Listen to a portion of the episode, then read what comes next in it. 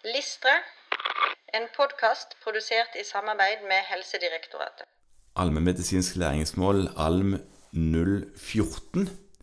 Selvstendig kunne beskrive pasientens medisinske utfordringer slik at det gis et riktigst mulig grunnlag for korrekte ytelser.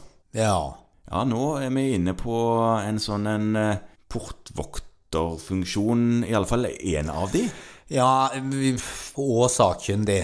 Ja, og sakkyndig. Altså her med sakkyndig for vår største oppdragsgiver, tror jeg.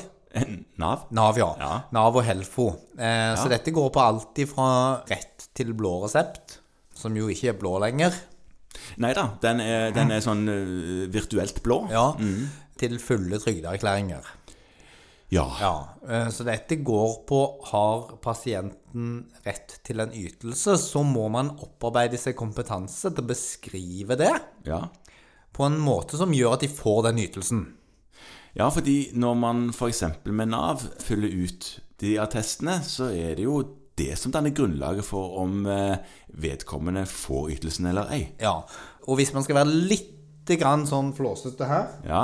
Kan man si at dette læringsmålet handler jo om å lære seg å snakke navsk. Snakke navsk, ja.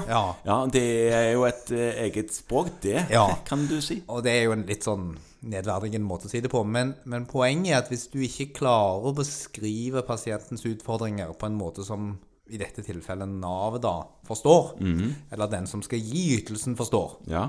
det kan for all del også være på kommunalt nivå, Ja, ja visst. med rett til en tjeneste, Ja. så får de jo ikke den tjenesten. Og det er jo vårt ansvar å gjøre et ryddig medisinskfaglig beskrivelse av arbeidet på en måte som gjør at de faktisk får det de har rett på. ja, men heller ikke mer. Nei, nei, nei, selvsagt ikke mer. Nei. for det er jo det som noen ganger kommer litt i veien for en du har hatt lang relasjon til, som du ønsker å hjelpe. Ja, de fleste av oss ønsker jo å hjelpe. Jo, det kan du si, men eh, det var dette her eh, grenseoppgangen mellom det å være pasientens fastlege og medvandrer til å bli en sakkyndig, Ja.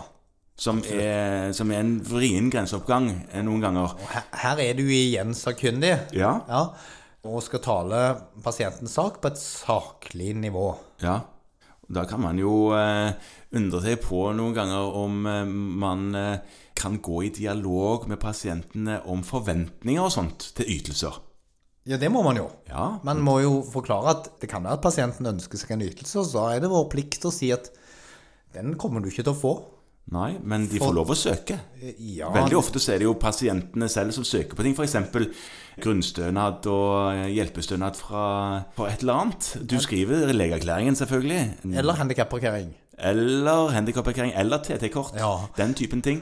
Og da kan du jo ha en veldig klar oppfatning av at dette, dette kommer ikke til å gå gjennom. Men man skal fraråde det Mhm. hvis det ikke ligger an til å gå gjennom.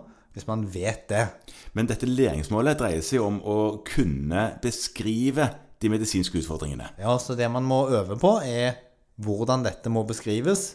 Hva som må med, og hva som ikke må med. Mm. Og ikke minst hvilket språk man skal bruke. Ja. For at mottakeren av dokumentet forstår hva det faktisk dreier seg om. Og får svar på det de trenger svar på.